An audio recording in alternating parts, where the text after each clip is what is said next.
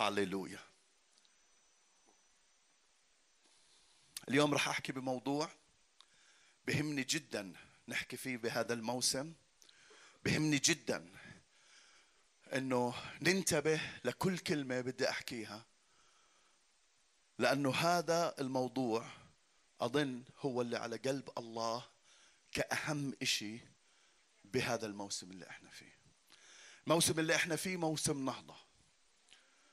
روح الله ينهض الكنيسة والكنيسة تنهض المجتمع. النهضة النتيجة تبعها يساوي خلاص نفوس. النهضه مش إني أروح متعزي أوكي هذا حلو. النهضة مش إني أروح فرحان واحتياجاتي مسددة هذا ممتاز. لكن لما بنحكي نهضة بمنظور كتابي بنحكي إنه ناس إجت للرب. ناس اتخلصت. ناس الله عمل معاها إشي جديد بحياتها. عشان هيك الموضوع اللي بدي أحكي فيه عنوانه تفرح السماوات بخاطي يعود من الأموات. خلينا نوقف مع بعض ناخذ هاي القراءة مع بعض. لوقا 15 من واحد لسبعة بعدين بننط على العدد عشرة. بصوت عالي وكان جميع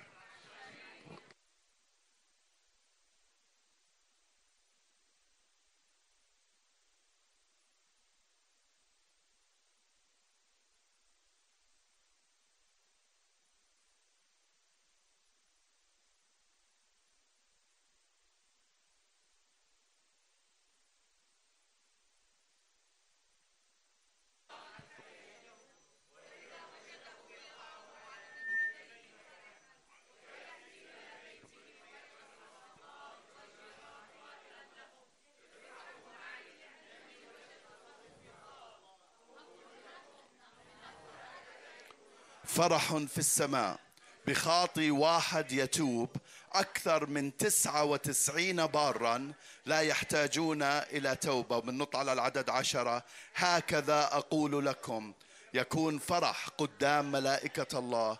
بخاطي واحد يتوب. تفضلوا ارتاحوا. يا رب نشكرك من أجل شعبك اللي إجا في هذا الصباح. فرحان فيك. يريد أن يعبدك. يريد أن يتعزى في محضرك. شكرا. شكرا لأنك تتعامل وبتلمس. شكرا يا رب لأنهم جايين يسمعوا كلمة. افتح الأذهان القلوب يا رب. خلي الكلمة تدخل للأعماق يا إلهي اللي أنا ما بقدر أدخلها إلا بكلمتك أنت يا رب وبلمستك أنت. تدخل لجوا. حط بركتك على هاي الكلمة يا رب حتى تعمل عملها على حسب هالمشيئة تبعتك في هذا اليوم. كلم شعبك يا رب. مجد نفسك إلهنا الحبيب. استخدم عبدك. ينبغي إني أنا أنقص وأنت تزيد. آمين. بنشوف بهاي الآيات أحبائي مواظبة العشارين والخطاة على الحضور لمتابعة تعليم الرب يسوع. بالإصحاح اللي قبله بالعدد 25 بيقول وكان جموع كثيرة سائرين معه.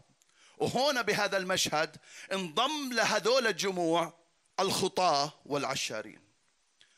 هذول كلهم جايين مش عشان عندهم حب استطلاع ولا لأنهم بدهم يختبروا الرب يسوع لكن جايين لأنهم بدهم يسمعوا تعليم الرب يسوع ولأنهم محتاجين لقوة الرب يسوع.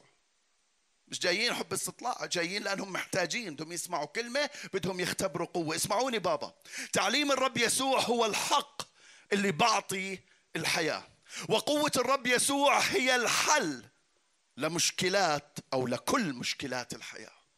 بدون تعليم الرب لن يكون حق. بدون تعليم الرب فيش حق ثابت نعيش عليه. بدون تعليم الرب فيش طريق نمشي عليها. بدون تعرفوا تعليم الرب كلمة الله تعليم الرب يسوع تعرفوا بالضبط زي إيش؟ زي الشارع اللي بوديك من نقطة لنقطة. إذا هذا الشارع مش موجود أنت بتعرف إنه في نقطة ثانية لكن ما بتعرف كيف توصل لها. خليني أحكي لها المؤمنين كل الناس كل واحد عماله بسعى للحق إذا ما فيش تعليم الرب يسوع ما فيش عنده شارع يقدر يمشي عليه. الرب يسوع هو اللي بعطينا نعيش الحق الثابت بحياتنا هو الطريق الثابت لحياتنا وقوة الرب يسوع بدونها لن يكون حل لأي مشكلة بحياتنا.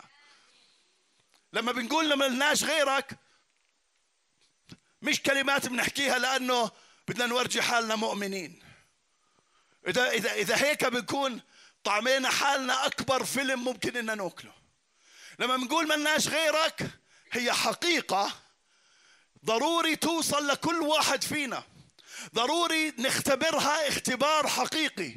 ومرات كثيرة أحبائي إحنا بنمر بتحديات بهاي الحياة بنمر بمشاكل بهاي الحياة بنمر بصعوبات بهاي الحياة لأنه الرب بده يوصل لنا فكرة واحدة إنه بدون الحق الثابت تبعه ما فيش طريق وبدون القوة تبعته ما فيش حلول. بدي توصل هاي الفكرة. هذول الخطاة والعشارين هذول الجموع كانوا عارفين ليش عمالهم بيتبعوا الرب يسوع. أنا صلاتي بهاي الأيام وصلاتي في هذا الصباح بالتحديد إنه كل واحد فينا يعرف ليش بنتبع الرب يسوع. لأنه بدون الحق ما فيش طريق وبدون القوة ما فيش حل. بدك طريق؟ تعليم الرب يسوع. بدك حل؟ قوة الرب يسوع. اليوم باسم يسوع. الرب يجي بقوته على حياتك ويعلن مجده بحياتك باسم يسوع.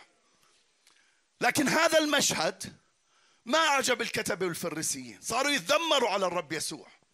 بالعدد اثنين اللي قريناه بيقول فتذمر الفريسيون والكتبة قائلين هذا يقبل خطاه ويأكل معهم.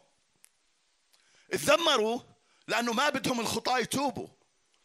تذمروا لأنهم حاكمين على الخطاة إنهم خطاة بنظرهم خلص خطأ. موضوعهم مجزوم إنهم خطاه وما فيش لهم أي رجاء إنهم يتوبوا لأنهم خطاه ذمروا تذمروا لأنه الرب يسوع عماله بيقبل الخطاه ومش بس هيك وبوكل معاهم. وهذا ضد تعليم الشيوخ هذا ضد التقاليد تبعتهم وهذا أدنى من المستوى الاجتماعي الناموسي تبعهم. تعرفوا كانوا ما يخالطوش الخطاة لأنه مش بس بخالطوهم مش لأنهم خطاة لكن لأنه هم أبرار والخطاة خطاة فعشان هيك مستواهم الاجتماعي بناء على الناموسية تبعهم هم أعلى من باقي الشعب. عشان هيك تدمروا. عشان هيك تدمروا. وأنا حابب أسألك في هذا الصباح بابا. هل عمرك جزمت إنه هذا الإنسان خاطئ وبس؟ خلص أنا حكيت مع أبوي خمس مرات و... آه.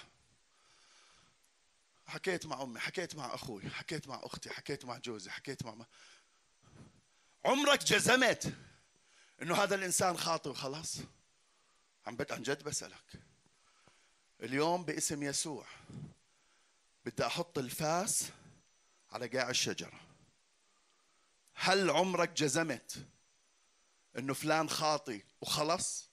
أنا بدي أروح وأنسى موضوعه وأسلمه للرب.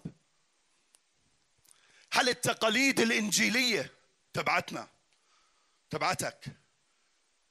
هل المستوى الاجتماعي تبعك منعك إنك تقبل الخطاة أو إنك تقبل صاحب الفكر الآخر؟ عن جد بسألك. عن جد بسألك. هل تقاليد تبعتنا إحنا في إلنا طقوس معينة إحنا كإنجيليين؟ هذيك اليوم قعدت مع شخص بيقول لي بيقول لي أنتم الإنجيليين تعتبروا إذا الواحد مش بالكنيسة تبعتكم هو خاطي قلت له لا ابدا. قال لي لا هيك أنتم بتعتبروا. قلت له لا ابدا. لا ابدا. لكن هاي السمعة موجودة. مين عمل هاي السمعة؟ هم ولا إحنا؟ هل بنقبل صاحب الفكر الآخر؟ بحكيش نقبل فكره. بقول نقبل صاحب الفكر.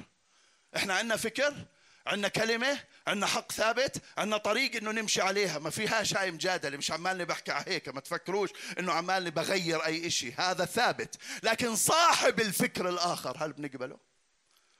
هل نقبل صاحب الفكر الآخر؟ اسمعوني أحكي لكم. الله عمره الله عمره ما كره الخاطي. الله يكره الخطية. ممكن إحنا ما يعجبناش فكر الشخص الآخر لكن هو كشخص لازم نقبله لازم نقبله. الرب يسوع أعطانا أكبر مثال بهاي الناحية وأنا حابب بهاي الأيام أنه تبلش تعمل دوزان جديد. أنا ما بعرفش شو ال background تبعك إيش الخلفية تبعتك. أنا ما بعرفش من وين أنت جاي وكيف بتفكر لكن خليني أحكي لك كيف تفكر. الرب يسوع بيقبل الخطاة بيقبل العشارين بيقبل أي إشي وبأخذهم من المكان اللي هم فيه على المكان اللي لازم يكونوا فيه. أمين يا شعب الله؟ اسمعوني بابا كل مرة ما بنقبل إحنا عمالنا بنحرم انسان من انه يسمع تعليم الرب يسوع وانه يختبر قوة الرب يسوع. كل مرة ما بنقبل إحنا عمالنا بنحرم انسان انه يسمع تعليم الرب يسوع يصير عنده طريق ويختبر قوة الرب يسوع يصير عنده حل. بدنا نقبل. طلع على اللي بجنبك قل له اقبل اقبل اقبل اقبل. الرب يسوع برد على هذول المتذمرين بثلاث أمثلة. علشان يحط الأهمية القصوى على قصد الملكوت بخلاص الخطاة ويأكد لهم جميعا إنه اجى لهدف آخر غير الهدف اللي هم بفهموه غير الهدف اللي هم بدهم إياه. الهدف تبعه هو خلاص النفوس في عنده. هدف ثاني هم عمالهم بيطلعوا على تقاليد عمالهم بيطلعوا على شعائر عمالهم بيطلعوا على طقوس عمالهم بيطلعوا على دواوين عندهم. لكن هو أعطاهم ثلاث أمثلة ورا بعض طس واحد ورا الثاني علشان يقول لهم أنا جاي لإشي أنتم ما بتفهموه. وحابب أكد لك اليوم بابا أنت موجود على هاي الأرض. لهدف ثاني غير عن اللي حواليك ممكن إنهم يفهموه. أنت جاي لهدف آخر أنت موجود على هاي الأرض اللي هو خلاص النفوس. مين بيقول آمين؟ بدي تأخذ هاي الكلمة لك شخصيا. هاي الكلمة مش للي بجنبك. اوعى يجي ببالك إنه هاي الكلمة مش إلي. اوعى يجي ببالك إنه القسيس بعرفش مع مين بيحكي بهذا الصباح. أنا بحكي معك أنت شخصيا. طلع على اللي بجنبك قل له هيك ورا بعض. هو بيحكي معك أنت شخصيا. please please please please please please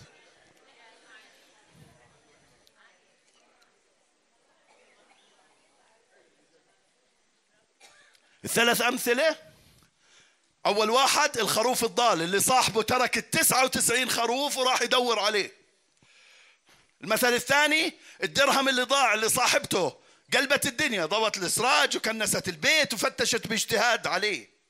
المثل الثالث الابن الضال اللي أبوه كان واقف عماله بيستنى فيه بكل أيام غربته لغاية ما يرجع. هدول ثلاث أمثلة.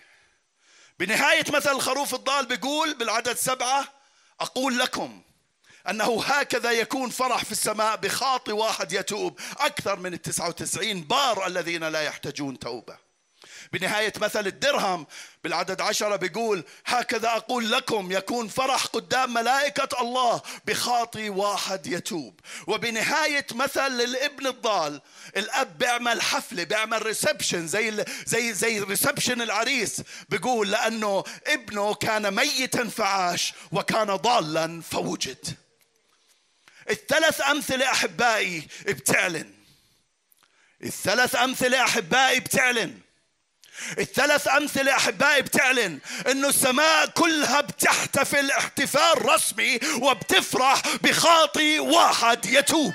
الله بفرح الرب يسوع بفرح الروح القدس بفرح الملائكة بتفرح. اسمعوني أحبائي اسمعوني بابا السماء ما بتحتفل بالإنجازات السياسية السماء ما بتحتفل بالانتصارات العسكرية السماء ما بتحتفل بالنشاطات الاجتماعية السماء بتحتفل لما خاطي واحد بتوب السماء بتحت السماء بتفرح بإنجازاتك. تفرح السماء بتحب إنه نكون ناجحين. السماء بتحب إنه نكون متعزين. السماء بتفرح بإنجازاتك. السماء فرحت بهاي العمارة اللي عمرناها. هو اللي أعطانا إياها فرحان فيها. لما نحتفل وعمالنا بنحتفل السماء عمالها بتفرح معانا. لكن السماء ما بتحتفل بهاي العمارة غير لما تتعبى بنفوس خاطية ساعتها بيصير الاحتفال. لا لا لا مش سامعيني شكلكم. السماء بتفرح معك لكن بتحتفل بنفس وحدة. السماء بتفرح بهاي العمارة لكن بتحتفل لما هاي العمارة تتملى من ناس عرفوا الرب يسوع عرفوا إنه هو الحق وعرفوا إنه هو القوة اللي بتحل كل مشاكلهم. ليش السماء بتفرح؟ وليش إحنا لازم نفرح؟ حقيقة هذا سؤال كنت عمالي بتساءل قبل ما أكتب هاي الوعظة. ليش ليش في فرح؟ ليش هاي الآية انكتبة ليش السماوات بتفرح عمالها بخاطي واحد بيرجع للإله؟ وحبيت أحط أربع أسباب في هذا الصباح نطلع عليهم عشان نفهم ليش السماء بتفرح وعشان نفهم ليش إحنا بنفرح وعشان إحنا لازم لنفس الأسباب نفرح.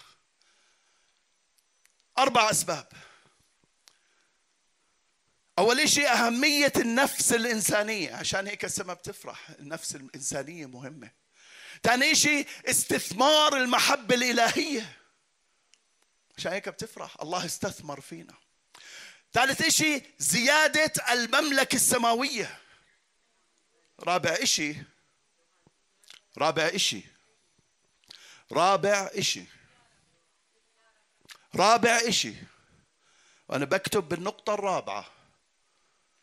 إشي من فوق لتحت. خبطني. إشي من فوق لتحت شعور ما بعرف إيش هو. جهنم أبدية حقيقية. جهنم أبدية حقيقية. جهنم أبدية حقيقية. عيدوا من وراي. جهنم عشان هيك بتفرح السماء. أول شيء أهمية النفس الإنسانية. بتقول الآية اللي قريناها أي إنسان منكم له مئة خروف وضيع واحد منها ألا يترك التسعة وتسعين في البرية في البرية ويذهب لأجل الضال حتى يجده وإذا وجده بحمله على اجتافه ويأتي فيه إلى بيته ويدعو الأصدقاء والجيران قائلا افرحوا معي لأني لقيت الخروف الضال أهمية هذا الخروف لهذا الراعي إنه ترك التسعة وتسعين اللي مش ضايعين وراح يدور عليه. التسعة وتسعين هنا بترمز للمسؤوليات الكثيرة الثانية اللي عليه عشان هيك بقول تركهم بالبرية. ما تركهم مش معاهم ناس في عنده مسؤولية. مسؤوليته إنه يرعى الميت خروف موجودة.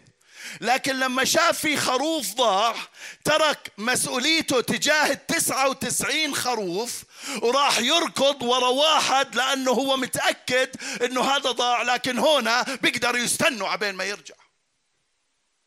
التسعة وتسعين بتعلن عن المسؤوليات الكثيرة اللي موجودة بحياتنا. تسعة وتسعين خروف كانوا محطوطين على عاتق هذا الراعي لكن الراعي ترك التسعة وتسعين وراح يركض ورا واحد لأنه في أهم من وتسعين. تسعة وتسعين هي المسؤولية اليومية اللي على هذا الراعي. هي المسؤولية اليومية اللي عليك. لما لقاه حمله على كتافه. بلش الفرح من هو حامله على كتافه. لو بدي أحكي عن الفرح بحكي هون كثير بس وعدتي مش عن الفرح. وعدتي ليش بتفرح السماء وعدتي ليش لازم نفرح؟ لكن بحكيش عن الفرح نفسه. بلش الفرح من هنا لدرجة بيحمله على كتافه بروح بركض فيه وبنادي على الجيران عشان يفرحوا معه لأنه هو فرحان. أنا حابب أسألك إذا الخروف هالقد خروف إذا الخروف هالقد مهم عند الراعي قديش الإنسان مهم عند الراعي الصالح؟ قديش الإنسان مهم عند الرب يسوع؟ لما الله خلق الإنسان أحبائي خلقه على قاعدة أنه هو أهم إشي بهاي الخليقة. بدي يوصلك هذا الحكي. عشان هيك خلقه على صورة نفسه لأنه لأنه أهم إشي بهاي الخليقة أنه إحنا مخلوقين على صورة الله. أعطانا من طبيعته أعطانا من إمكانياته. أعد لنا مكان في الجنة نسكن معه. وأعطانا كل الأرض ملك إلنا. مزمور 115 بيقول السماء سماوات الله لكن الأرض أعطاها لبني آدم. تخيلوا قديش؟ بدي نستوعب بديش المعلومات. فشت فشت فشت فشت بديش هيك. بليز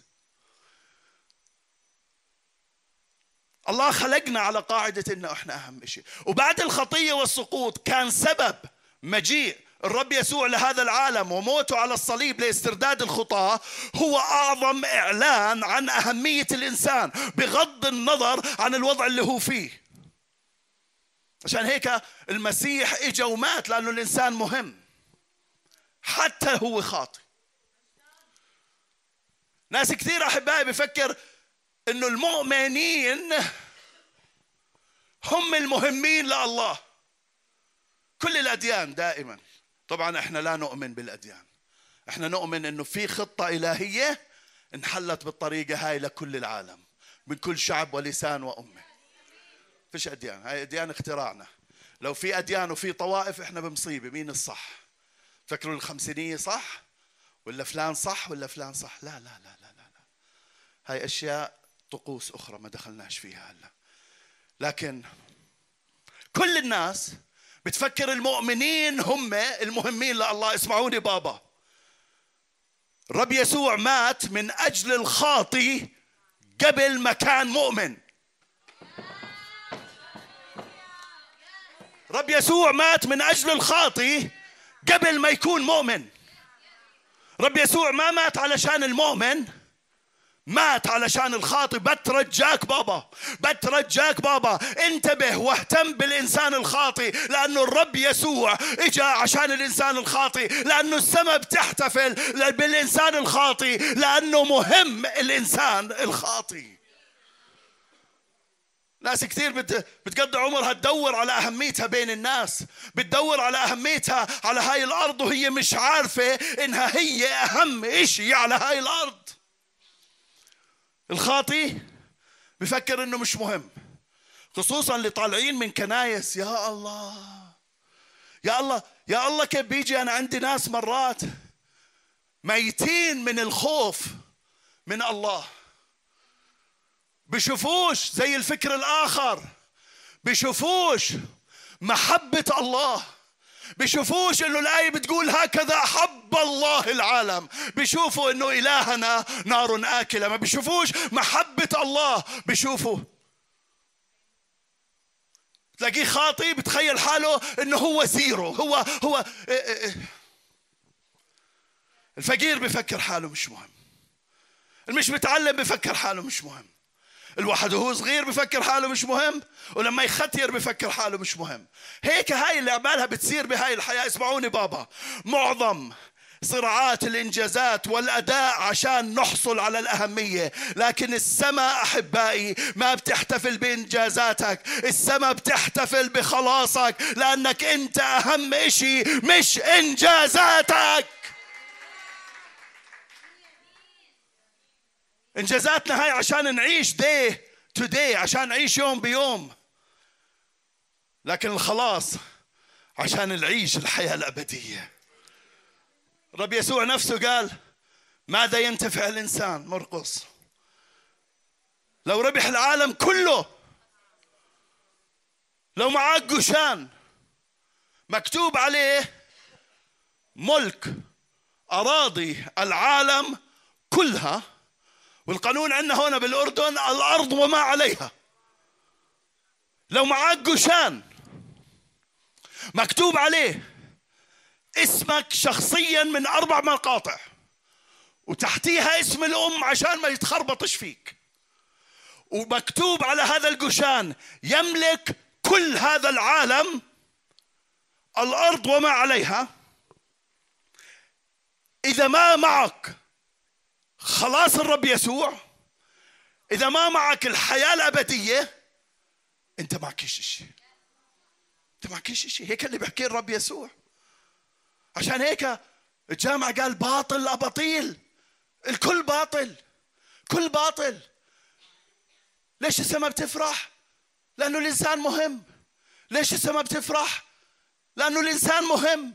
ليش السماء بتفرح؟ لأنه ممتلكاتك اللي بتحققها وإنجازاتك ممتلكات الشخص الآخر وإنجازاته شهادات الشخص الآخر وإنجازاته مش هي سبب احتفال السماء؟ لأنها لو أعطي الواحد كل الدنيا وخسر نفسه. لكن بتفرح. السماء بتحتفل. لما هذا الإنسان المهم بتخلص وبروح عند الله. بدك تكون سبب فرح للسماء اليوم. بدك تكون سبب فرح لقلب الآب والابن والروح القدس. اسمعني بابا اترك التسعة وتسعين. وروح ورا الخاطي روح ورا الضال. عن جد بحكي عن جد. هلا هلا مخك بلش يخبط ببعض. شو يعني اترك الشغل؟ تتركش الشغل. اترك المسلسلات. اترك الكلام الفارغ. اترك تضييع الوقت. اترك فلان عدي علينا وفلان اطلع من عنا وفلان هو. تترك شغلك اشتغل. تشتغل. انه مصاري. تحط عشور بالكنيسة. بدنا اياك تشتغل. عن جد. لكن فيه النهار 24 ساعة ثمانية اشتغل فيهم full time ست أيام. ارتاح يوم. وثمانية نام فيهم full time نوم. بلزمش عامل ألف دراسة على النوم سبع ساعات لثمان ساعات بسنا إحنا إذا بتقدر تنام طبعا الحمد لله طبعا هي ثمانية وثمانية ستة عشر من 24 اعطيناك تنام قد ما بدك تبرطع البس البيجامه اللي بدك اياه وثمان ساعات تشتغل full time ظل معانا ثمان ساعات. يا سيدي ساعتين رايح جاي على الشغل وعشان بدك تمر تجيب لفلانة اللي هي مرتك تجيب لفلانة اللي وصتك إياه هاي كمان ساعتين. ظل معانا ست ساعات. يا سيدي ساعتين أكل. ظل معانا أربع ساعات. وساعة اسرح هيك أقول يا رب أنا بدي أسرح. ظل معانا ثلاث ساعات. وساعة تلفزيون يا أخي. ظل معنا ساعتين. آه بدك فيسبوك؟ لا فيسبوك من التلفزيون بدك تاخذ اترك التسعة وتسعين. ترك تسعة وتسعين خروف في البرية. مسؤولياته شغله وراح يركض. اترك التسعة وتسعين. روح ورا واحد. ليش السماء بتفرح؟ ليش لازم إحنا نفرح؟ لأنه الإنسان مهم. اوعى تفكر اوعى تطلع على إنسان اوعى تطلع كيف شكله كيف طوله كيف شعره كيف ريحته كيف وضعه كيف عاداته كيف تقاليده اوعى تطلع على اطلع على صورة الله اللي عليه. ما هو هذا هيك ما هو هذا هيك ما هو هذا لا لا لا لا لا لا. قال تذمروا الكتبة والفريسيين تذمروا لأنه يقبل الخطاة والعشارين ومش بس هيك عامل مصيبة ويأكل معهم. يا! إنسان مهم. إنسان مهم. إنسان مهم. مش بس أنت مهم أنت مهم نشكر الرب عليك لكن هو مهم. أمين؟ ليش تفرح السماء؟ لأنه الإنسان مهم. ليش تفرح السماء؟ الفكرة الثانية استثمار المحبة الإلهية. بيوحنا 3 16 الآية اللي بنعرفها. هكذا أحب الله العالم. كلنا حافظينها صح؟ حتى بذل ابنه الوحيد لكي لا بل تكون له. الله بسبب محبته بذل ابنه الوحيد الرب يسوع. عشان ما حدا من البشرية يهلك بل يأخذ الحياة الأبدية. بديش أحكي عن موت الرب يسوع بديش أدخل بهذا المشهد لكن كلنا بنعرف إيش هذا المشهد. خلاص النفوس أحبائي لما الخروف الضال يجي خلاص النفوس هو الإعلان الواضح لمملكة السماء إنه استثمار محبة الله في الإنسان الخاطي كان استثمار ناجح. مين فينا بحب يعمل استثمار وما ينجحش مين فينا بحب يعمل استثمار ويفشل؟ الله عمل استثمار في الجنس البشري لأنه الجنس البشري مهم ومخلوق على صورته. علشان هيك عمل استثمار الاستثمار ما كانش مصاري الاستثمار ما كانش أراضي الاستثمار ما كانش جبال ووديان. الاستثمار كان إنه بذل ابنه الوحيد لأنه أحب هذا العالم حتى يسترد هذا العالم. خلاص النفوس هو عماله بعطي message واضحة لله عماله بعطي message للروح القدس وللرب يسوع إنه كان هذا استثمار ناجح الله عمله للبشرية.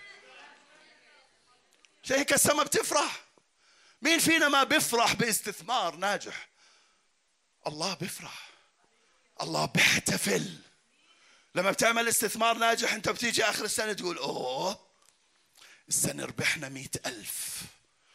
وكنت أخذ راتب كل شهر 2000 دينار أصرف وهذول ال ألف هذول ربه مع مرته جاء على بالي أعمل عشاء لليله بدنا نحتفل لأنه الاستثمار نجح. عشان هيك كل مرة خاطي بتوب. بعرفش قديش هذا المشهد كتابي أو بيطلع لي أحكي لكن بدي أتجاوز وأحكي إذا متجاوز. الله بنادي على الرب يسوع. الله بينادي على الروح القدس الله بينادي على الملائكة يقول لهم تعالوا it's party time. It's party time. يلا شغلوا الأبواق شغلوا الطبول. شغلوا شغلوا شغلوا شغلوا شغلوا لأنه الاستثمار تبع موت ابني الوحيد على الصليب. استثمار ناجح في خاطي هلا بكنيسة الفحيص الخمسينية. طلعوا الشباب طلعوا البنات حكوا معاه. قبل الرب يسوع انتقل من الظلمة إلى النور. هلا هو عايش معاي. تعالوا يا شباب بدنا نفرح بدنا نحتفل. استثمار المحبة الإلهية. خليني أقول لك بابا الرب يسوع كان بيقدر يطلب 12 جيش ملائكة يدافعوا عنه بيقول بمتى؟ أتظن أني لا أستطيع الآن. بحكي لبطرس بيقول له هذا يوم ما اعتقلوه. لحظة هذيك بالضبط. بيقول له أتظن أني لا أستطيع الآن أن أطلب إلى أبي. فيقدم لي أكثر أكثر من اثني عشر جيشا من الملائكة. كان بيقدر. كان بيقدر. هذا السؤال مش لبطرس هذا السؤال لكل واحد فينا. أتظن أنه لو حكى الرب يسوع مع الله بيودوا لهوش 12 جيش من الملائكة بيقولوا الجيش 10000 واحد. 10000 ضرب 12 كان بيقدر لكن اختار يتعذب لحاله. اختار ينهان لحاله. اختار يتعرى لحاله اختار يموت لحاله عشان يستردنا. أكيد بعد كل هذا بفرح بخاطي واحد بتوب وبيحتفل بخاطي واحد بتوب. أكثر من التسعة وتسعين اللي اعتقدوا إنهم ما بيحتاجوا هذا الاستثمار. اسمعوني بابا. خلينا نترك التسعة وتسعين ونروح ورا الخروف الضال. ونفرح مع السماء ونحتفل مع السماء أنا حابب اليوم الرب يعطينا فكر جديد. إحنا مجدا للرب. الكل عماله بيخدم بطريقته في مكانه والكل عماله بيربح نفوس. لكن أنا حابب اليوم إنه نفهم وإحنا عم نربح النفوس هاي. وإحنا تاركين العيلة وإحنا تاركين مسؤولياتنا وإحنا تاركين شغلنا وإحنا تاركين وقت نومنا وراحتنا. وإحنا أنت عمالك بتسبب احتفالات بالسماء وضروري أحبائي لما واحد بيسلم حياته للرب ضروري تروح وتحتفل لأنه بتكون عم تتحد باستثمار المحبة الإلهية. روح مبسوط. ما أنت مش عارف شو أنا مروح بس مش قادر أدفع الأجار. رح يندفع الأجار. أجار راح يندفع. فيش شيء بيضله زي ما هو. لكن النفس الخاطئة لما بتروح على الملكوت بتظلها زي ما هي بالحياة الأبدية. وضعك ما راح يضل لكن هو راح يضل. روح واحتفل بالرغم من كل التحديات. آمين يا شعب الله. آمين. فإذا أول فكرة إيش؟ أهمية النفس الإنسانية. عشان هيك بتحتفل السماء. ثاني إشي إيش؟ استثمار المحبة الإلهية. رب استثمر لحاله. بدون 12 جيش من الملائكة. أكيد بده يحتفل. ثالث إشي. مين عم بسمع؟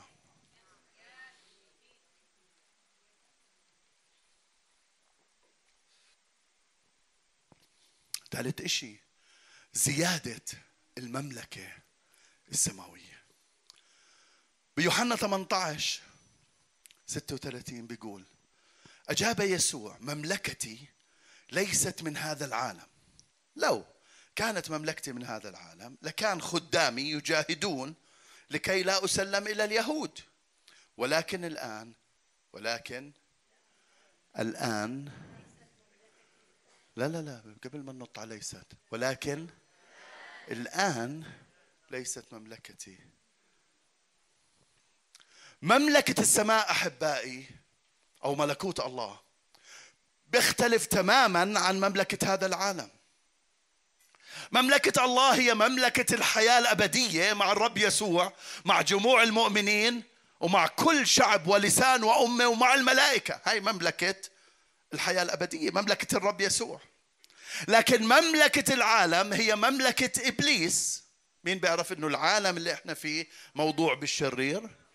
هاي مملكة إبليس جموع غير مؤمنين جموع ملحدين واللي راح تنتهي إنه تكون هاي الجموع داخل مملكة إبليس ابديا. بدي بدي نعرف. عشان هيك الرب يسوع وضح بهاي الآية. قال هلأ أنا مملكتي مش من هذا العالم. ليش قال الآن؟ لأنه راح يرجع الرب يسوع بالحكم الألفي. نحن نؤمن بالحكم الألفي. راح يرجع وتكون هاي مملكته. هم فكروه قالوا له بأعمال واحد أربعة قالوا له أبي هذا الوقت ترد الملك إلى إسرائيل؟ قال له لا لا لا لا, لا ليس لكم أن تعرفوا الأوقات والأزمنة أنا راح أرجع راح أسترد الملك مش لإسرائيل راح أسترد الملك للمملكة الإلهية بالحكم الألف. لكن الآن مملكتي ليست من هذا العالم. في فرق. الخبر الحلو أحبائي هذا بدنا نفهم بدي هاي تنفهم فهم. في مملكتين مملكة الله ومملكة هذا العالم اللي هي بحكمها إبليس. هذول بيختلفوا عن بعض.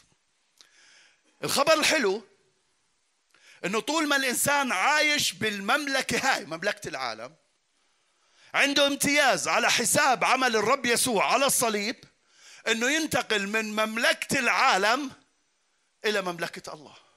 عنده هذا الامتياز. خبر حلو ولا لا؟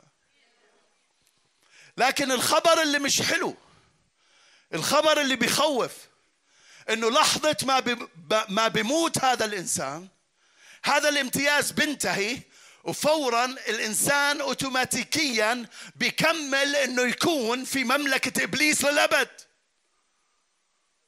هذا بخوف هذا برعب في مملكتين. الإحصائيات الآن بين مملكة العالم ومملكة السماء بتورجي للأسف عجز سكاني كبير بمملكة السماء. ركزوا معي please please please ركزوا معي في عجز تطلع على الإحصائيات في عجز. عدد سكان العالم امبارح سمعت امبارح بالتحديد بعرفش قديش عمر هاي الإحصائية تسعة ونص مليار نسمة. عدد سكان العالم. أنا حابب أسألك قديش منهم هلا في مملكة السماء؟ هلا هلا وإحنا عايشين. قديش؟ قديش مؤمنين حقيقيين هلا يعدوا من رعايا المملكة السماوية؟ قديش؟ الإحصائيات أكيد بديش أقعد أحط أرقام لأني ما بدي أحط أرقام على خلاص النفوس. لكن أكيد إنه الإحصائية عجز كبير بين مملكة الله وبين مملكة هذا العالم عجز كبير. وأكيد هذا شيء مش مفرح لقلب الله والمفروض إنه مش مش مش مفرح إلنا أيضا. مش مفرح إنه مملكة الله مملكة الخير مملكة البركة مملكة السلام مملكة الحياة الأبدية يكون عدد سكانها أقل من مملكة إبليس مملكة الشر. بعرفش إذا هذا الحكي مفرح لأي ناس فينا بس أكيد مش مفرح لكل واحد منتبه لهذه الإحصائيات. أكيد مش مفرح لجيوش السماء أكيد مش مفرح للآب والابن والروح القدس أكيد مش مفرح. إشي محزن والمفروض يكون محزن إلنا كمان. الإنسان اللي الله أحبه الإنسان اللي الله خلقه على صورته لهلا مش مدرك هاي المحبة. لهلا مش مدرك هذا الاستثمار لهلا مش مدرك هذا الامتياز لهلا مش مدرك إنه هذا الامتياز لما بموت كانوا بالزمانات. ولهلا في قسس وخدام بيستخدموا هاي للبشارة حتى يفتح الطريق هيك. أول سؤال بسألك إياه بقول لك اللي بحكيه بعنيش إنك تستخدم هاي الطريقة أنا مش كثير بوافق معها بس تقدر حسب كيف روح الله بقودك لما تموت وين رايح؟ لما تموت وين رايح؟ بحدد وين رايح لما بتقرر وانت عايش. وانت عايش بتقرر وين رايح. كلنا بنطلع من باب واحد لكن في بابين بعد هذا الباب. في باب بيؤدي للحياة الأبدية وفي باب بيودي للهلاك الأبدي. إحصائيات هلأ لهذا العالم هلأ بتقول إنه اللي رايحين يدخلوا من الباب الواسع باب الهلاك هو كثير أكثر من اللي رايحين يدخلوا من الباب الضيق. ليش تفرح السماء؟ ليش تفرح السماء؟ لأنه بصيرش. وبدي أحكي بعرفش بعرفش أنا شو بحكي كلمات عيب علينا إنه يكون مملكة إبليس عدد سكانها أكثر من مملكة الله عيب عيب عيب ليش ليش بحزن الله؟ طلع طلع. طلع قاعد طلع؟ بقول طيب أنا استثمار. موت ابني. وبعدين مملكة. مرقول اللي بحكي مرقول. هذا السافل الوسخ. تكون مليانة. عشان هيك بتحتفل السماء لما واحد بتوب. عشان هيك بعطينا مثال. اترك التسعة وتسعين لأنه عدد سكان السماء لازم يكون أكثر من عدد سكان هذا العالم. اسمعوني بابا العمل لزيادة عدد سكان مملكة السماء هو مهمة الكنيسة وسبب أساسي لوجودها. أوكي بنحتفل. okay بنفرح. okay بنتعلم. okay الرب لمسنا okay الرب باركنا okay كلياته هذا الحكي. لكن السبب الرئيسي أو سبب أساسي بديش أقول؟ الرئيسي كله رئيسي. لكن السبب الأساسي لوجود هاي الكنيسة وكل كنيسة حقيقية إنها تعمل على زيادة عدد سكان مملكة السماء. المأمورية العظمى أحبائي هي تفريغ مملكة إبليس وتعباية مملكة الله. هاي المأمورية العظمى. تأخذ من مكان وتودي لمكان. تأخذ من مكان وتودي لمكان. اترك التسعة وتسعين. روح للخروف الضال. بدي تطلع على اللي جنبك قل له اترك اترك اترك اترك اترك, اترك.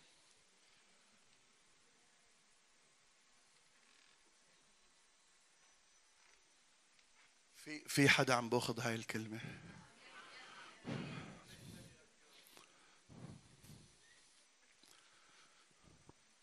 واخر إشي. ليش تفرح السماء ليش لازم إحنا نفرح؟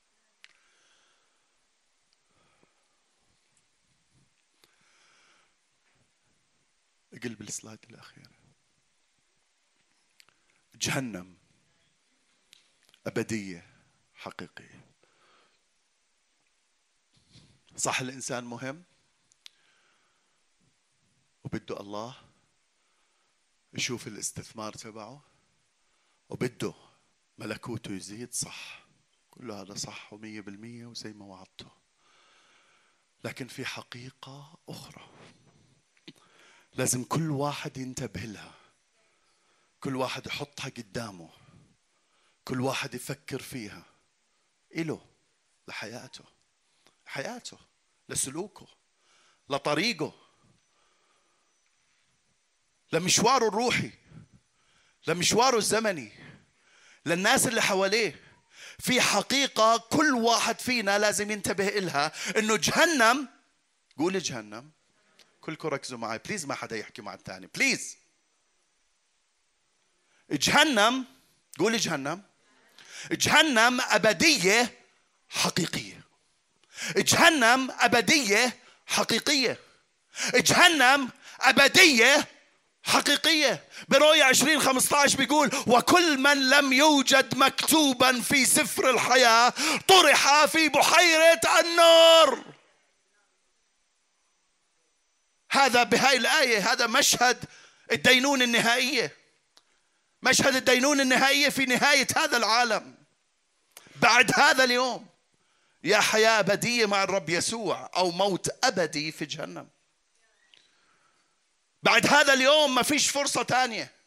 بعد ما الإنسان يموت من هاي الأرض اسمعوني بابا أنا مرات أنتم بتعرفوا قديش أنا ما عنديش مشكلة بأي طائفة ولا أي تعليم ولا أي شيء وبحكيش هناك بالعكس إحنا كلنا كنيسة واحدة. لكن لما في ناس وطوائف عمالها بتآمن إنه الواحد بعد ما يموت يحطوه ويجنزوه ويقولوا له اطلع على السماء لا أؤمن بهذا لو الفحيص تقلب علي هلا لا أؤمن بهذا. خلي الفحيص تقلب. إحنا كنيسة واحدة محبة بتربطنا لكن هذا التعليم أنا ضده. لأنه هذا التعليم عماله بعطي أريحية للناس إنها تعيش حياتها زي ما بدها تعيش حياتها بدون الله تعيش حياتها عادي وبعدين أهلي بحبوني بجنزوني وإذا أنا آه، وجه وإذا أنا مش عارف إيش بيعملوا لي جنازة عسكرية بيعملوا لي قداس طويل بيعملوا لي الثالث والتاسع والأربعين بيضلهم يقدسوا فيي يقدسوا فيي يقدسوا فيي تطلع على السماء. خليني أحكي لك ما في سماء بعد ما الواحد يموت إذا مش ماخذ قرار سبعة وهو عايش. لا تخلي أي شيء يخدعك. إيش مكانة الطائفة وإيش مكان التعليم؟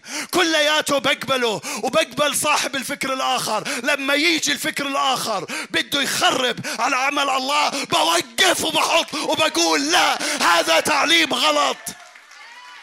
تعليم غلط. تعليم الصح. جهنم حقيقة أبدية. ولما الإنسان ما ياخذش قرار وهو على هاي الأرض مهما جنزته. أخوي لما توفى كان عمره 42 سنة كان أبوه له عماد كان مدير مطار الملكة عليا سيارة نمرة حمراء. إحنا لاتين. إجا المطران. وإجا مليون واحد ووقفوا. وصاروا يقدسوا فيه. يقدسوا فيه. يقدسوا فيه. لأنه شخصية مهمة. باسم يسوع الرب أعطانا بعدها أحلام أنه هو في السماء. لكن مش هذا اللي وداه على السماء. اللي وداه على السماء. القرار اللي كان عامله قبل ما يصير هذا الموقف. إجوا هم يعملوا دورهم. لكن هذا دور خاطئ. هذا دور غلط. عشان هيك اوعى ترتاح. تعرفوا ليش ركزت على هاي النقطة؟ والرب يشهد علي ولا هي ببالي. عارفين ليش ركزت على هاي النقطة؟ لأنه مرات كثير الناس بترتاح إنه ما يعملوش قرار لأنه أهلي بحبوني وبصلوا لي أهلي خلاص هلا مش رايحين يقصروا. راح يطول من جيبته ويحط بإيد اللي مش راح يقصر. ابني ما راح يقصر معي. أبوي ما راح يقصر معي. أمي ما راح تقصر معي. خليني أحكي لك كله ما بنفع اللي بينفع إنه أنت ما تقصر مع حالك واللي بينفع أكثر إنه أنت ككنيسة ما تقصرش إنك تترك التسعة وتسعين وتروح للخروف الضال جهنم أبدية حقيقية. جهنم أبدية حقيقية. كل من لم يوجد اسمه بسفر الحياة اسمه سفر الحياة لأنه انكتبت الأسامي اللي فيه بدم رئيس الحياة. انكتبت بدم معطي الحياة انكتبت بدم رب الحياة اللي هو نفس الطريق والحق والحياة اللي اجى لهذا العالم حتى يكون إلنا كلياتنا حياة. سفر الحياة هو اللي بيشهد على الناس وبحكم عليهم يا بالموت الأبدي. يا بالحياة الأبدية. غياب الاسم من سفر الحياة هو اللي بيحكم على الإنسان بالموت الأبدي ببحيرة الكبريت والنار. مش حكي مش فيكشن مش خيال مش فيلم عمالك بتحضره. مش فكرة عمالة بتيجي عبالك هاي حقيقة. كتبها روح الله بالوحي. كتبها بالكتاب المقدس. كتبها حتى ينبه كل العالم. كتبها حتى يحرك الكنيسة. كتبها حتى الجميع يخلصون وإلى معرفة الحق يقبلون. مش فيكشن. مش فيلم هندي. مش فيلم أكشن. حقيقة. حقيقة. يا ريت بقى يا بابا تحملوني تحملوني. امسك حالك قول هيك حقيقة حقيقة. حقيقة. This is true. This is true. اسمعوني بابا. بحيرة الكبريت والنار. حقيقة شنيعة جدا. عن المصير النهائي للغير مؤمن.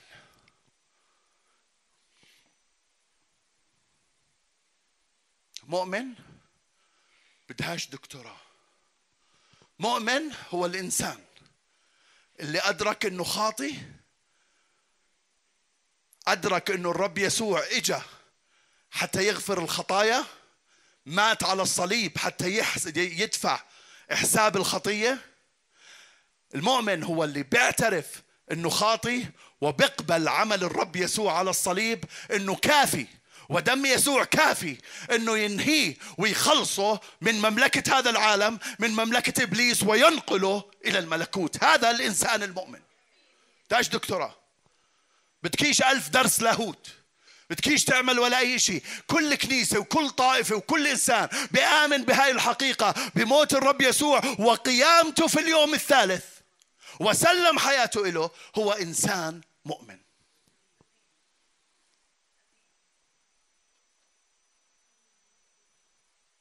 بحيرة الكبريت والنار حقيقة شنيعة جدا. وهذا محزن جدا لقلب الله. والمفروض يكون محزن جدا لكل واحد فينا. بيقول بروميا عن هذا المشهد. بيقول ويل وعذاب. بيقول بمتى؟ 22 البكاء وصرير الأسنان. بيقول بتسالونيكي هلاك أبدي. بيقول بمتى 13 أتون النار الجحيم الظلام عقاب أبدي جهنم.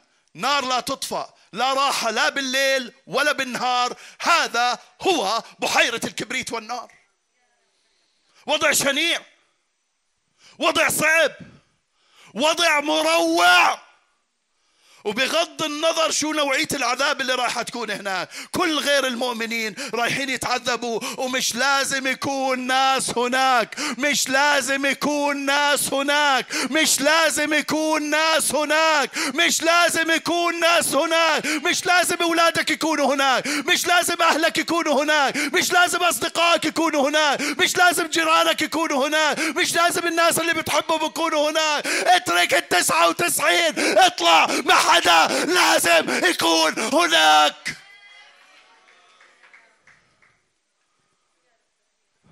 سما بتفرح لما فيش ناس هناك.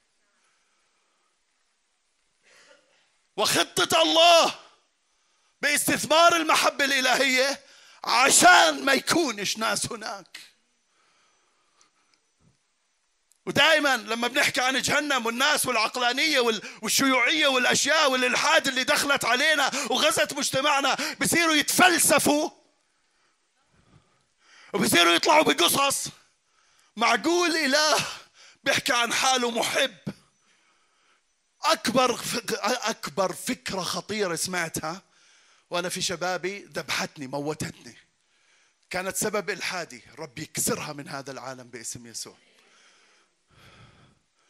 أنا في مرحلة من حياتي معلش معي خمس دقائق في مرحلة من حياتي بلشت أصلي. أبانا الذي بالسماوات والسلام عليك يا مريم كل القصص هاي. وأروح أنام. ما ارتحتش. أنا بالمدرسة تبعتي كنا اثنين مسيحية والباقيين إسلام. وكانوا بالحصة يطلعونا. ما كانش شعور حلو. يعني زي كأنك منبوذ. فصرت أنا أقول آه طيب يعني مش معقول إنه المدرسة فيها عدد كذا. طبعا ما كنتش أفهم زي هلا بس يعني الفكرة. مش معقول. خليني أشوف موضوع الإسلام. فصرت أطلع على موضوع الإسلام وبعدين آه، انعجقت. تشوشت. قلت آه أحسن إشي. بقرأ ابانا الذي بالسماوات قبل ما أنام. وآية الكرسي. عن جد؟ عن جد؟ عن جد بحكي. أكثر من سنة سنة وشوي. أنا بنام هيك قول أبانا الذي بالسماوات. بعدين نسيت نسيت شو آية الكرسي. اللي هي الحي القيوم اللي مش عارف شو. و... و... وأنام. بعد سنة قلت إيه؟ شو هالطشي هذا؟ طبعا بلشت هون أنا أشوف الحياة وهذا.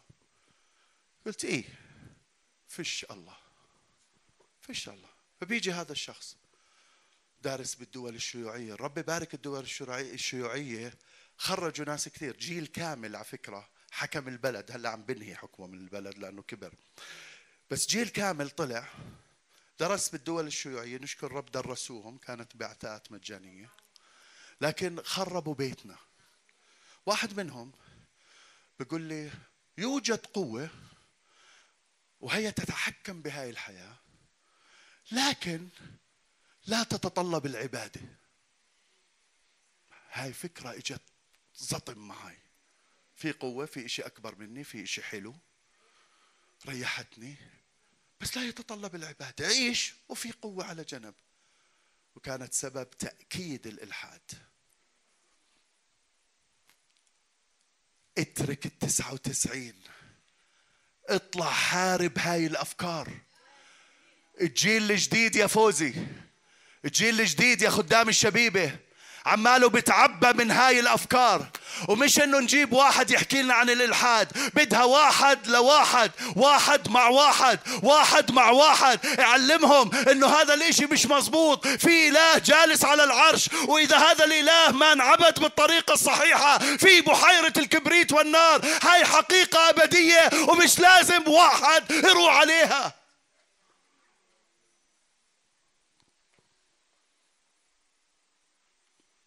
في ناس بيقول هذا نفسه. معلش تحملوني كمان دقيقتين. وأفكار زي هدول معقول إله محب إنه يعمل هيك؟ لا هاي قوة موجودة على جنب. بعملش هيك ما دخلكيش أنت بتعمل قراراتك. وأنا حابب أجاوب وأنا بنهي. مش الله اللي بيعمل هيك. مش الله اللي بودينا على جهنم. الله بالعكس تماما. الله بذل ابنه على الصليب عشان يعطي لكل الناس فرصة إنهم ما يعملوا بحالهم هيك. وبعد هيك أعطى الكنيسة المأمورية العظمى أعطاك وأعطاني وأعطى كل واحد كل مؤمن عشان يساعدوا الناس إنهم ما يعملوا بحالهم هيك. الله ما بيعمل هيك. الله استثمر اسمعوني بابا. الله خلق العالم كله بكلمة ما كلفه ولا أي شيء. لكن لما إجا لخلاص الإنسان كلفه كل شيء. ترك عرش السماء. إجا هون 33 سنة انهان انبزق بوجهه اتعذب اتعلق على الصليب مات علشان علشان علشان يعطينا خلاص. خليقة العالم بكلمة لكن خلاصك بعمل إلهي كامل. مش الله اللي بيعمل فينا هيك إحنا اللي بنعمل بحالنا هيك. وإحنا اليوم ككنيسة إحنا اللي بنعمل بالناس التانيين هيك. اترك التسعة وتسعين. أنا كنت بحكي هذيك اليوم لمجموعة قعدوا هون. كنت بحكي لهم اترك دواوينك. بلاش دواوين sorry محوا لي إياها. اترك قصص لا sorry sorry محيها اترك مشاغلك والتركيز تبعك خمس سنين. أعطيه للرب. أعطيه للرب. أعطي خمس سنين للرب. الخمس سنين هدول حسبت لك ال 24 ساعة. مش عمالي بقول لك تترك. خمس خمس سنين هدول اعمل focus. انت هلا بصحتك وبقوتك تعرف بس تبلش تكبر شوي. الأمور كلها بتختلف. تعرف إنه في ناس إحنا بنكيف على الموسيقى العالية. أنا شخصيا بكيف على الموسيقى العالية. صار لي سنة بقدرش أسمع موسيقى عالية. بعد كل شوي ببطل أذاني تتحمل موسيقى. تعرف في سن معين أنت بتقدر تخدم فيه. لكن في سن ثاني أنت بتطلع بتحب تخدم. لما بتبلش تفهم sorry على الكلمة لما بتبلش تفهم إنه لازم تخدم بيكون جسدك مش عماله بيساعدك إنك تخدم. أعطي خمس سنين. قول هذول خمس سنين بدي أحطهم على جنب. بديش إياهم يا أخي. أنا الرب مرة أعلن لي قال لي بما معناه تعرفوا كيف مرات الواحد يكون يحكي حكي فاني؟ قال لي الرب ما معناه تتحملنيش جميلة؟ كل قعده بتقعد وبتصلي فيها أنا بزيد على عمرك. أنت مش عمالك تعطيني إشي أنا اللي عمالي بعطيك إشي. أنا اللي عمالي بعطيك. تحملنيش جميلة. خمس سنين هدول بيجوا. خمس سنين هدول الله بعطيك إياهم. خمس سنين ممكن الإنسان بعيد الشر بكسر أي كلمة ممكن إنها تعلن بطريقة غلط. خمس سنين مرات الواحد تعذب فيهم ورايح جاي على المستشفى. لكن خمس سنين هدول بنحطوا باستثمار المحبة الإلهية. بنحطوا بتفريغ مملكة هذا العالم.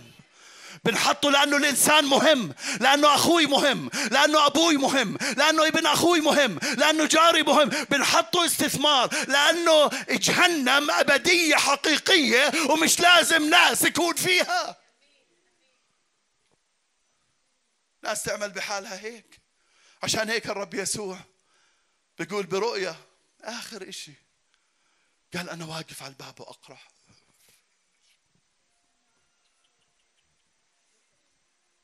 آخر إشي.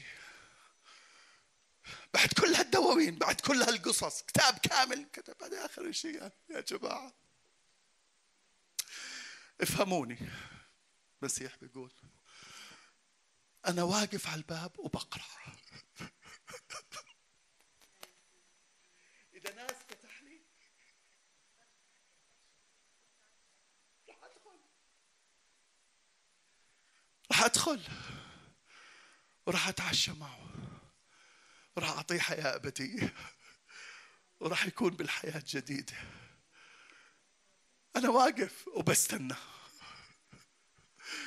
ابولا الابن الضال بيقول وراه ورآه أبوه من بعيد. لما انت بتطلع عمالك بتخدم الرب يسوع عمالك بتحكي عن الرب يسوع تأكد تماما إنه الآب السماوي تأكد تماما إنه الرب يسوع واقف وعماله بينتظر من بعيد واقف وعماله بيقرأ على باب قلبه واقف وعماله بيجتذبه حتى يجي إليه لأنه عماله بينتظر إنه جهنم تتفرغ ما يكونش ناس هناك لأنه مش لازم يكون ناس هناك من اللي الله أحبهم.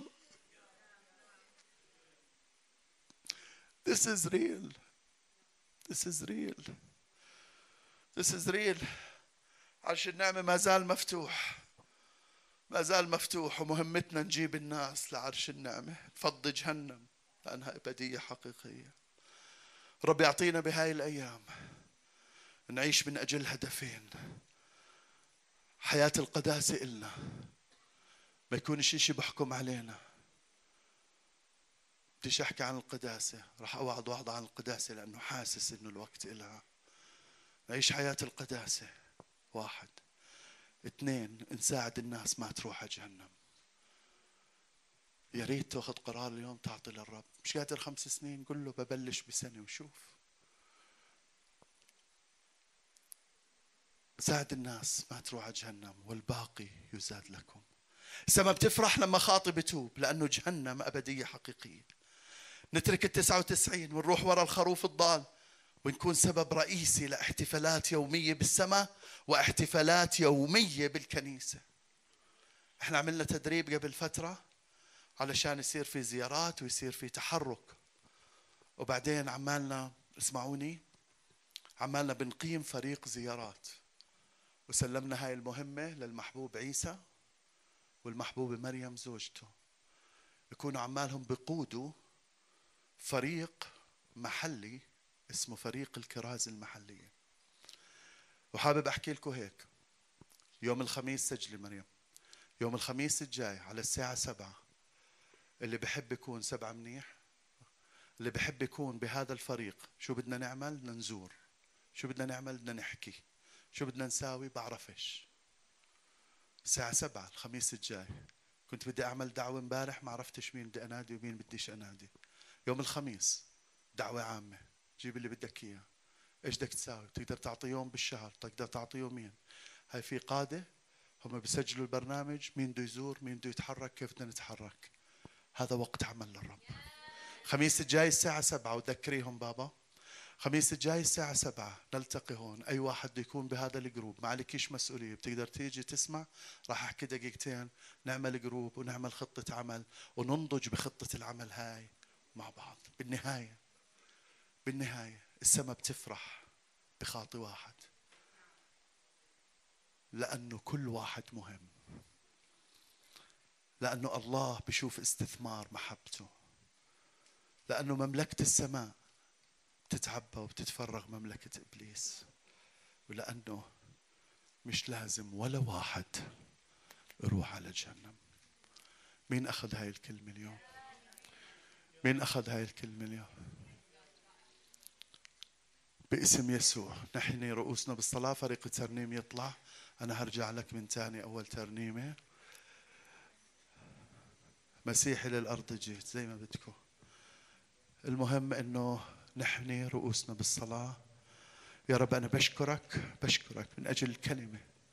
لأنها حية وفعالة وأمضى من كل سيف ذو حدين خارقة إلى مفرق النفس والميقاق والعظام مميزة أفكار القلب ونياته.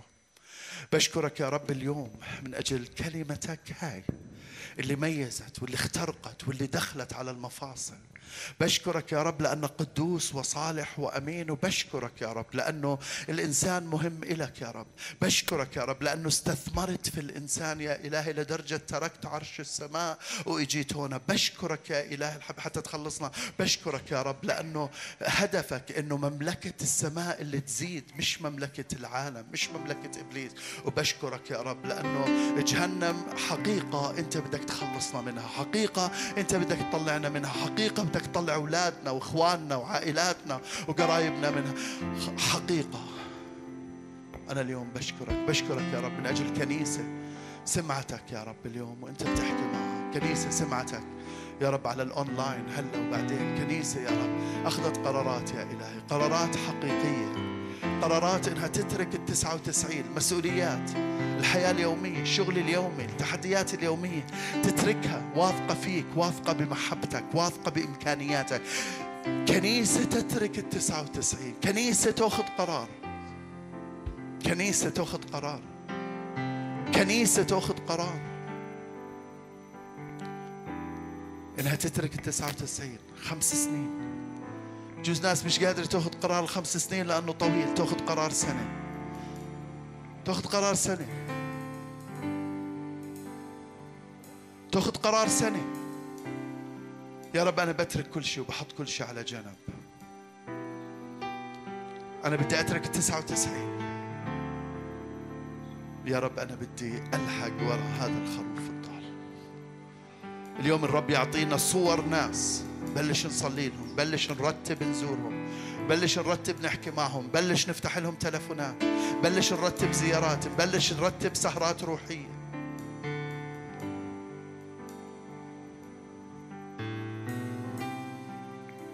رب يعطينا اليوم تثقل. أنا بصلي يا رب إنه تعطي هاي الكنيسة هلا. تثقل مش ثقل تثقل بالنفوس يا رب. وآخر نقطة من هاي الوعظة. يا رب تضلها تلمع قدام كل واحد وواحد يسمعوها جهنم أبدية حقيقية. مش لازم نكون ناس فيها. يا رب أنا بصلي إنه اليوم القرارات يا إلهي تشتغل. أنا بصلي اليوم يا رب الأنانية تروح. أنا بصلي اليوم يا رب الإدراك والفهم الحقيقي يا رب يعلن في داخل القلوب. أنا بصلي اليوم يا إلهي إنه ذراعك القوية تدخل للقلوب البشرية. يا رب تبلش تعمل أعمالك الإلهية يا رب حتى يصير فعلا قرارات. نترك التسعة وتسعين ونروح ورا الواحد باسم يسوع. باسم يسوع. يا ريت يا بابا كلياتنا نوقف مع بعض. ويا ريت يكون قرارك اليوم. يا رب أنا حابب أكون من اللي بتركوا التسعة وتسعين. يا ريت يكون هيك. يا ريت يكون أنت سبب فرح للسماء. مش بس حتى أنت تفرح لكن تكون سبب فرح للسماء. السماوات تفرح بخاطي واحد يتوب. اليوم تكون أنت سبب فرح للسماوات سبب فرح للكنيسة سبب فرح للأبدية سبب تفريغ المملكة الشيطانية سبب أنه ما حدش يدخل بأتون النار والعذاب. يا ريت يكون هذا قرارك وإحنا بنرنم هاي الترنيمه ببلش هذا القرار تسنك فيك تسنك فيك. واعرف تماما إنه الله ليس بظالم حتى يترك تعب محبتك. ولا يبات مديون لأحد. اللي بتعمله للرب راح يعمل لك إياه أضعاف. المروي يروى باسم الحبيب. مسيحي للأرض جي وبدنا نمشي مين عاش حياتي